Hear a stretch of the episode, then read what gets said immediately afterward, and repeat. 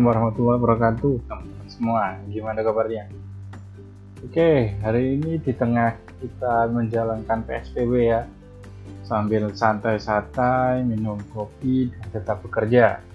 Semoga kegiatan teman-teman hari ini dan besok juga tetap berjalan lancar, targetnya tercapai, dan tentunya sehat selalu. Dan doa kita semua semoga corona atau virus yang sedang menjangkiti banyak orang dan menakuti banyak orang bisa segera lewat dan kita puasanya lancar ya. Karena sebentar lagi kita puasa. Oke uh, sore hari ini teman-teman semua sambil kita santai kita akan bahas tentang bagaimana sih kita menerapkan konsep PDCA dalam kita sebagai seorang pemimpin. Nah, kita akan pakai namanya konsep PDJA plus T dalam penerapan konsep tersebut pada kegiatan kita sehari-hari atau konsep leadership lah kalau kita mau pekerjaan kita how to manage team itu bisa lebih efektif Nah, bagi teman-teman yang belum paham atau yang belum ngerti nih, belum ngeh apa itu PDCA, mungkin untuk detailnya bisa googling ya. Detailnya bagaimana, cuma kita akan jelaskan sedikit PDCA itu apa sih. PDCA itu kan kalau kita ngomong P itu plan, D itu do, C itu check, terus kemudian A itu action di sini ditambah T yaitu timbul. Nah, konsep PDCA itu seperti lingkaran teman-teman kalau bisa dibayangkan. Dan itu akan terus berputar PDCA, PDCA, PDCA. Karena apa? Kalau kita ngomong seorang pemimpin itu pasti kita punya lima tahapan pekerjaan. Pertama, kita melakukan yang namanya plan atau melakukan perencanaan. Ya. Nah, setelah kita buat rencana nih, kita sudah buat rencana, terus kemudian ada targetnya, terus kemudian ada standar bagaimana apa sih yang akan kita capai dari hasil output atau outcome dari apa yang kita hasilkan nanti. Nah, setelah itu kita akan melakukan nih, mengimplementasikan. Mengimplementasikan apa? Tentunya rencana yang sudah dibuat. Nah, setelah itu, setelah kan kita jalan nih, ya, kita jalan. Contoh nih, kita mau buat namanya kopi, ya. Kita akan buat atau kita buat kafe nih, bahkan simpelnya operasional kafe hari ini. Target kita apa?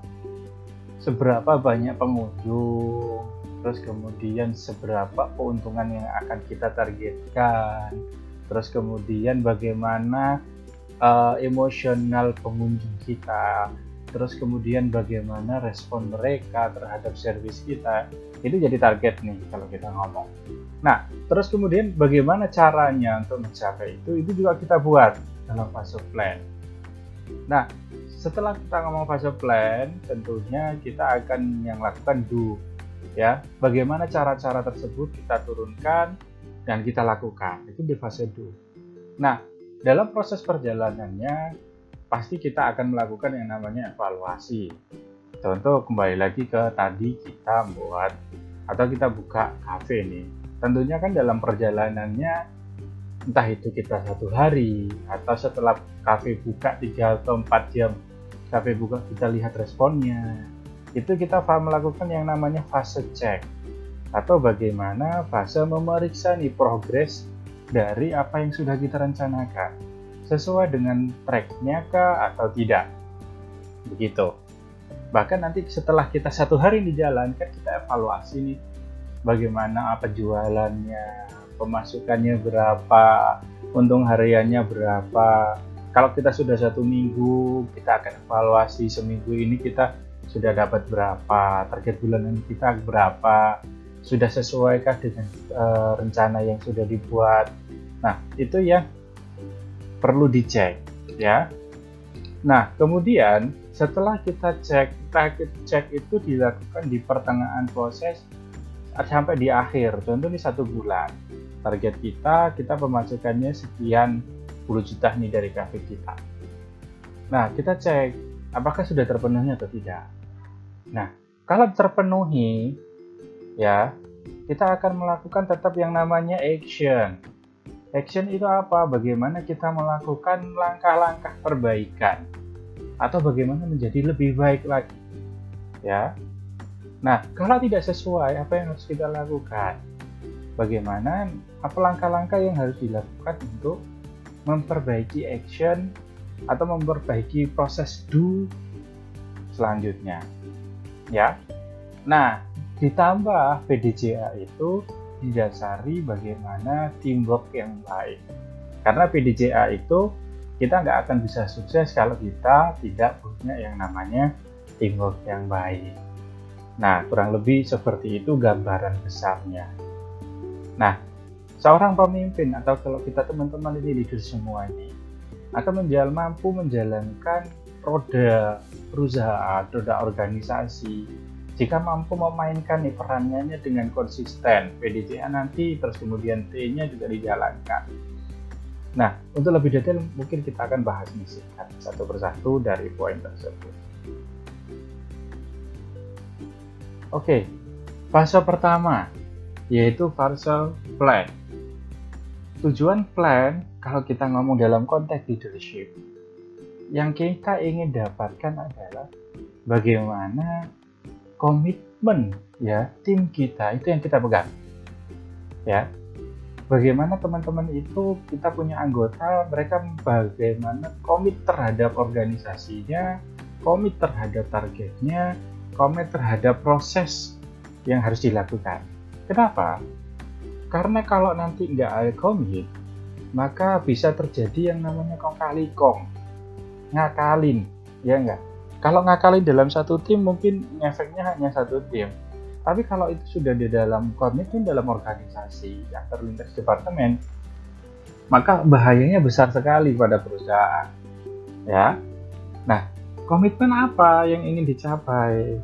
Ya, komitmen tentunya adalah bagaimana komitmen dalam menetapkan target, terus kemudian komitmen dalam mengikuti rules yang sudah ditetapkan. Nah, itu yang terpenting. Bagaimana komitmen ini bisa kita pegang.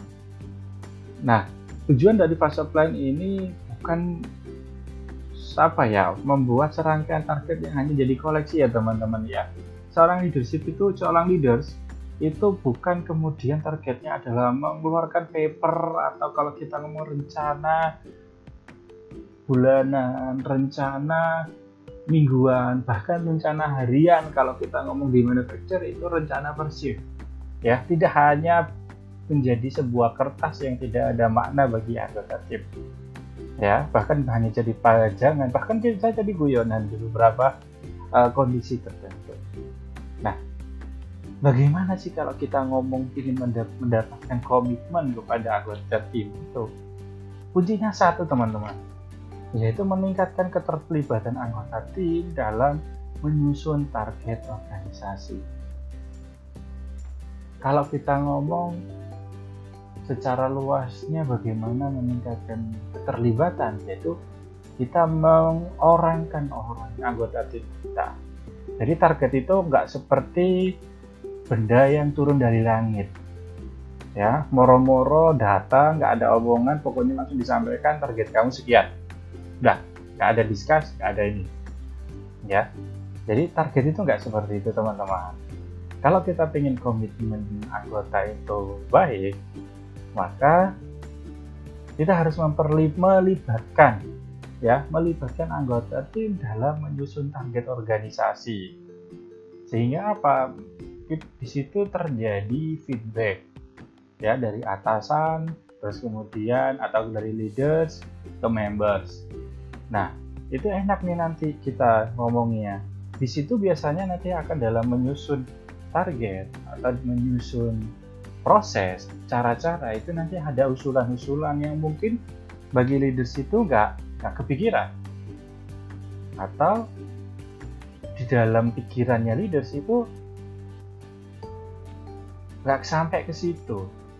Karena apa? Setiap orang punya pandangan dan sudut pandang masing-masing ya. Dan skupnya juga pasti akan beda-beda. Nah di situlah diskusinya enak gitu. Kalau leaders punya usulan nanti juga akan di compare dengan anggotanya. Anggota punya usulan begini-begini bisa didiskusikan. Available atau tidak? Bisa dijalankan atau tidak? Ya members punya sudut pandang atasan punya sudut pandang. Tentunya punya sudut pandang yang berbeda tapi itu kalau dikolaborasikan akan menjadi sesuatu yang sangat mudah. Pengalaman saya itu akan sangat menyenangkan jika kita sama-sama open ya. Leadersnya open membernya open. Tapi kalau sama-sama udah lagi saja lah. Ya. Tugasnya bukan bagaimana menyusun komitmen lagi tapi bagaimana keterbukaan ya. Itu nanti mungkin akan kita bahas di tempat yang lain. Nah dalam penyusunan target dan komitmen tentunya akan melihat ya teman-teman ya siapa bosnya ya tetap lah. Kalau kita ngomong strukturalnya tetap akan bisa itu akan tetap akan dilihat. Karena nggak mungkin juga seorang leaders langsung dengan pikiran kosong kemudian set up target dengan nggak ada guidance-nya. Tentunya ada guidance-nya. Karena apa? Pemimpin juga punya pemimpin ya. Supervisor punya manager manager punya director ya. Dan masing-masing punya sukupan masing-masing nah itu enaknya. Kalau kita uh, sudah dapat komitmen dari mereka atau dari anggota nggak usah deh kita pecutin deh. Nggak usah kita uh, day to day harus kita tanya enggak pengalaman saya tinggal kita tanya aja. Kita tinggal monitor weekly terus kemudian proses detailnya kita biasanya nggak usah ikut. Karena guidance sudah kita kasihkan teman-teman akan jalan ya. Itu kalau komitmennya sudah enak tuh nah terus kemudian kedua nah setelah setelah kalau kita ngomong do ya setelah kita punya rencana nih kita punya target Terus kemudian dari target itu kita susun rencana jangka pendek, kemudian jangka menengah, jangka panjang. Nah, fase selanjutnya itu do. Nah, fase do ini juga menjadi fase yang krusial. Karena apa? Kalau kita fase plan itu banyak diskus, banyak komitmen, banyak omong. Begitu. Ya. Tapi di fase do ini bagaimana seorang leaders itu jadi contoh. Kalau dia bersemangat dalam mencapai target, terus kemudian bagaimana dia pemimpin itu berkomitmen dan berani ambil tanggung jawab maka anggotanya akan melihat tuh simpelnya kayak kita lah punya anak kecil meskipun anggota kita sudah dewasa dan gede-gede semua ya. Tapi mereka juga akan menjadi contoh dan melihat ya. Mereka akan mencontoh apa yang mereka lihat. Kalau leaders itu hanya omong doang di plan terus ya di fase plan terus kemudian tapi dunia mereka nggak nggak konsisten nggak tanggung jawab nggak inisiatif juga ya akan terjadi yang namanya penggembosan penggembosan dan akhirnya terjadi lagi yang namanya fase transaksional ya udahlah percuma gua ngoyo begitu juga leadersnya ya kan kami santai-santai aja. Akhirnya yang terjadi adalah hanya menggugurkan kewajiban doang. Gitu. Orang-orang atau anggota tim kita akan ya hanya hanya kerja datang. Kemudian taktik tuh taktik tuh bel pulang pulang. Waktu gajian jadi gajian. Udah gitu doang. Nggak nggak nggak apa ya? Dia nggak punya hero atau dia nggak punya rasa dalam proses itu karena apa? Rasa itu sudah hilang ya. Nah ada kata-kata atau ada premis yang menarik ya. Konsep utamanya adalah di sini adalah leader itu leads ya. Bukan leaders lead. Nah gitu. Jadi leaders itu ya harus tampil harus ambil tanggung jawab ya. Dan dia harus berkomitmen juga dengan targetnya. Gitu. Bukan banyak leaders yang tanggung jawabnya satu doang. Itu yang nanti jadi bahaya mengembosi ya mengembosi para anggotanya. Oleh karena itu bagi teman-teman semua atau bagi kita sendiri ini kita harus menjadi teladan dalam anggota tim. Kalau anda mengwar-warkan ayo semangat ayo semangat ya dalam waktu ngomong gitu ya tetap semangat dong. Day to day-nya apa pun kondisinya. Apalagi dengan kondisi yang seperti ini nih ya enggak? Banyak fase-fase krisis terus kemudian fase-fase market lagi lesu terus kemudian target anggota juga tetap ditarget. Apalagi kita sekarang banyak yang kerja work from home dan lain sebagainya. Sangat-sangat uh, membutuhkan konsisten komitmen dalam keadaan yang sangat tidak menentu seperti ini. Ya nah itu. Setelah kita menjadi contoh fase selanjutnya tentu kita akan melakukan yang namanya fase evaluasi atau penilaian. Meskipun tingkatannya berbeda-beda ya. Nah kunci di sini adalah bagaimana tim kita dan leadersnya juga itu punya pemikiran terbuka. Nggak usah takut deh. Ya kalau pemikiran itu kita terbuka dan ingin belajar antara timnya dan anggotanya itu punya rasa ingin belajar yang kuat maka enak fase evaluasi ini. Nah kenapa fase evaluasi ini atau fase cek ini adalah bagaimana mempertanggungjawabkan, mempertanggungjawabkan apa yang sudah dilakukan. Teknik dan mekanismenya macam-macam. Ada yang weekly, ada yang monthly, ada yang quarterly, ada yang uh, semesteran, ada yang tahunan. Ya, cuma prinsipnya adalah fase ini biasanya ada yang jadi penutup, ya enggak ada yang kalau satu bulan sebelum penilaian seseorang itu semangat ya tapi setelah penilaian sampai lagi. Nah itu kembali lagi ke komitmen teman-teman. Komitmen dan contoh dua fase ke belakang yang sebelumnya itu juga menentukan fase ketiga ini. Keterbukaan dalam proses evaluasi di situ nanti akan ada feedback nih ya. Gitu. Nah atasan di sini tercatat yang terpenting adalah kalau kita sudah menilai atasan eh, sorry, kalau kita sudah menilai bawahan, ingat bawahan itu juga harus tahu apa yang kita nilai. Kita menilai mereka itu bagaimana? Kita harus fair dong, gitu. Jangan menilai, jangan jadi atasan itu atau jadi seorang leaders yang menilai karena like and dislike. Mau nggak mau meskipun itu juga akan tetap ada, apalagi kalau parameter di waktu kita menyusun plan itu udah jelas. Terus pasti akan terjadi like and dislike, ya apakah di di luaran terjadi? Dia terjadi teman-teman. Ya karena macam-macam organisasi itu juga macam-macam. Kematangan organisasi itu juga akan macam-macam. Ada organisasi yang penting asal jalan. Ada yang fase selanjutnya ketika mereka sudah mulai ini mereka mulai baru menyusun. Ada yang sudah mulai matang. Nih setelah melewati fase pertama kedua developnya berbeda. Ada yang sudah sangat matang sekali sistemnya sudah jelas KPI-nya sudah jelas dan lain sebagainya. Itu akan mempengaruhi fase cek ini gitu.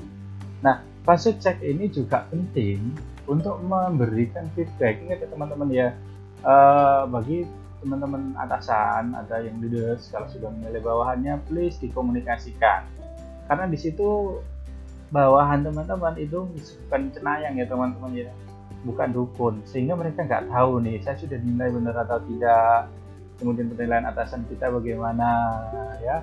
Yang dikeluhkan biasanya adalah waktu proses penilaian bawahnya nggak tahu nih dia nilainya bagaimana kurang atau tidak ya. Nah bawahan juga harus terbuka kalau dinilai.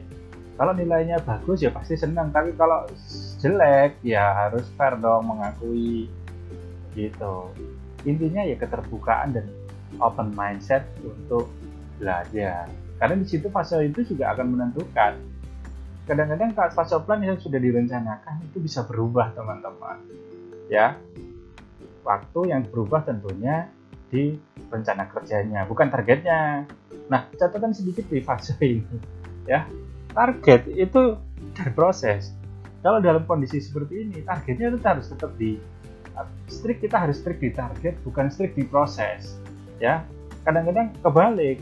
Orang itu sukanya strict di proses harganya yang direvisi. Ya kan aneh jadi. Begitu ya.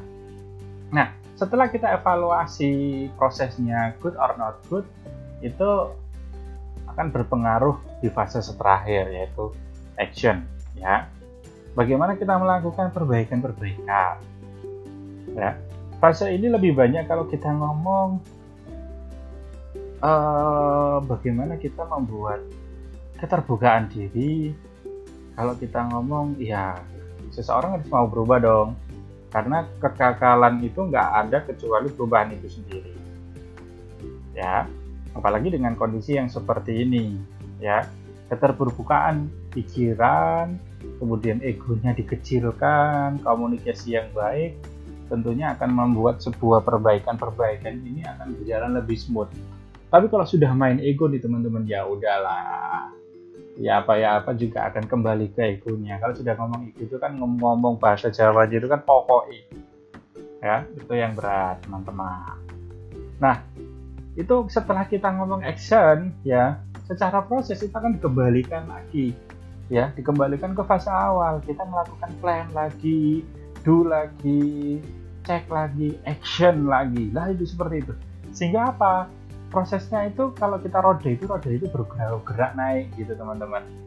Ya bukan seperti roda gila yang hanya dia berjalan di di tempat yang sama gitu kan ya yang gila beneran akhirnya. Dia berputar-putar aja tapi nggak bergerak.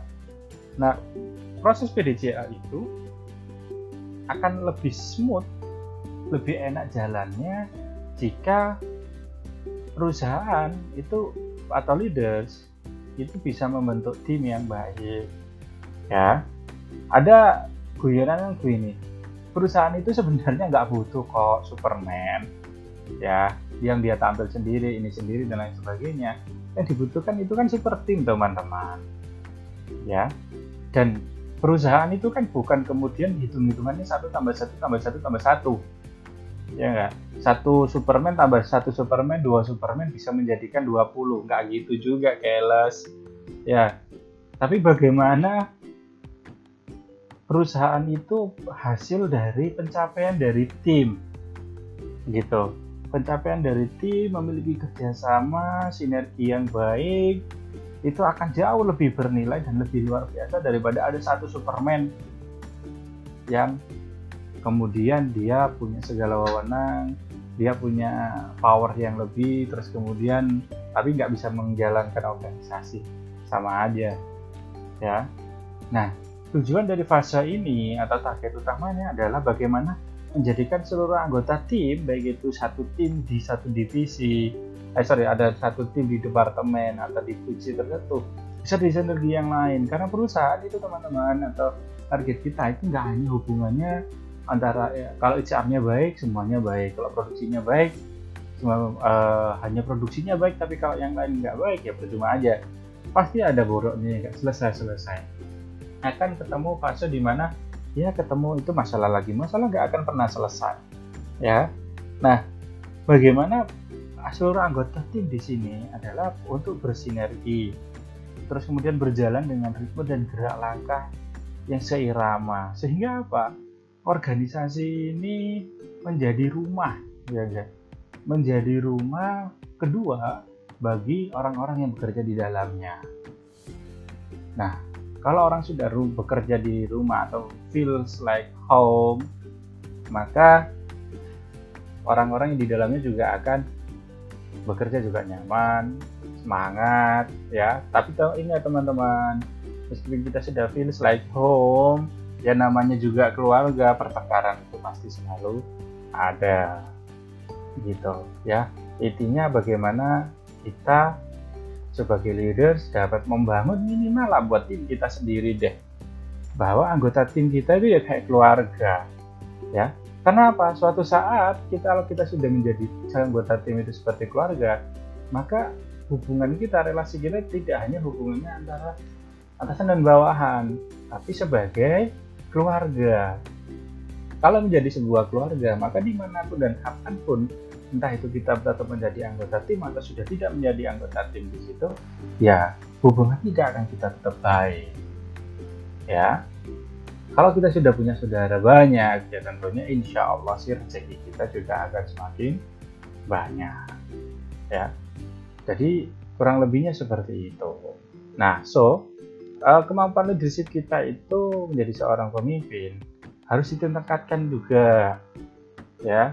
Harus terus belajar ya. Jangan sampai kita merasa sudah menjadi super leaders terus kemudian seolah-olah menguasai semuanya dan kita selesai belajar.